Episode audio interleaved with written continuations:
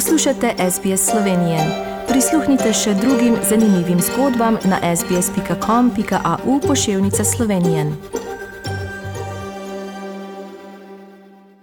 Prijazen pozdrav, spoštovani rojaki. Epidemiološka slika v Sloveniji je ugodna, kar je mogoče pripisati predvsem intenzivnemu cepljenju vseh prebivalcev in prebivalk. Zadnji dan epidemije bo v torek, 15. junija, in vlada epidemije predvidoma ne bo več podaljšala.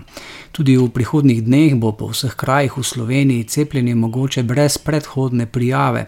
Vlada pa še naprej redno poziva prebivalce, ki se še niso cepili, naj se cepijo, saj gre za majhen, solidaren korak vsakega od nas, s katerim se, poleg tega, da se cepimo, odločimo za naše zdravje in naša življenja. Epidemija in z njo povezani ukrepi so globoko zarezali v življenje slehrnega prebivalca. Na številnih področjih bo pustila številne posledice, za mnoge tudi na dohodkovni plati. Tam pa je kar precej razlik. Trenutni indeksi za primerjavo plač denimo kažejo, da so se javnim uslužbencem med lanskim in letošnjim marcem v povprečju plače zvišale za dobrih 18 odstotkov, za zasebni sektor so se zaradi metodologije izračunavanja številke predvsem manj enoznačne, v povprečju pa kažejo okoli 6 odstotni dvig. Redna in izredna usklajevanja pa so od februarja lani do januarja letos upokojencem prinesla 8 odstotkov više pokojnine. Slovensko ustavno sodišče pa je medtem zavrglo zahtevo za pobudo za oceno ustavnosti dela odlokov o omejitvah javnega prevoza potnikov med epidemijo. Na sodišče so se namreč obrnili taksisti, ki so omenili, da so jim bili s pogostim obveznim testiranjem kršene ustavne pravice.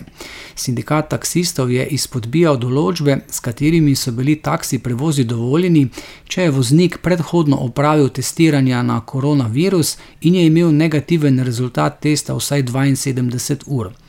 Sodišče pa je razsodilo, da je voznik lahko upravil tudi hiter antigenski test, ki ni bil plačljiv, navedbe predlagatelja pa zato označil za paušalne.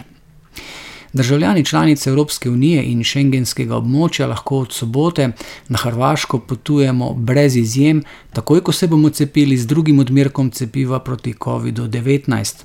To je pomembna novica za vse, ki nameravajo del poletja preživeti na dopustu pri naših južnih sosedih.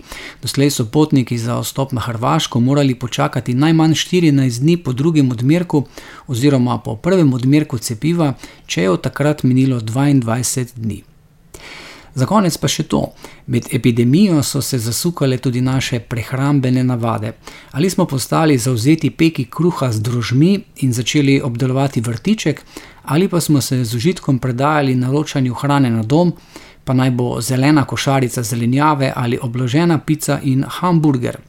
Strokovnjaki pravijo, da smo vključili svoj preživetveni instinkt lova, torej pretiranega nakupovanja živil in delanja zalog, hrano na krožniku smo si hoteli pridelati, skuhati in speči sami. Kar 63 odstotkov anketiranih v raziskavi Nacionalnega inštituta za nutricionistiko, v katero je bilo konec lanskega aprila in decembra vključenih 600 gospodinstv v Sloveniji, je ocenilo nakupovanje živil v trgovini kot tvegano za okužbo z novim koronavirusom, 40 odstotkov pa jih je po nakupu embalažo razkuževalo, dejanje, ki je po mnenju Nacionalnega inštituta za javno zdravje povsem nepotrebno. Tu so bile novice za danes, ostanite zdravi in vse dobro do našega naslednjega slišanja za SBS ali Šlednik. Všečkaj, deli, komentiraj. Spremljaj SBS Slovenijo na Facebooku.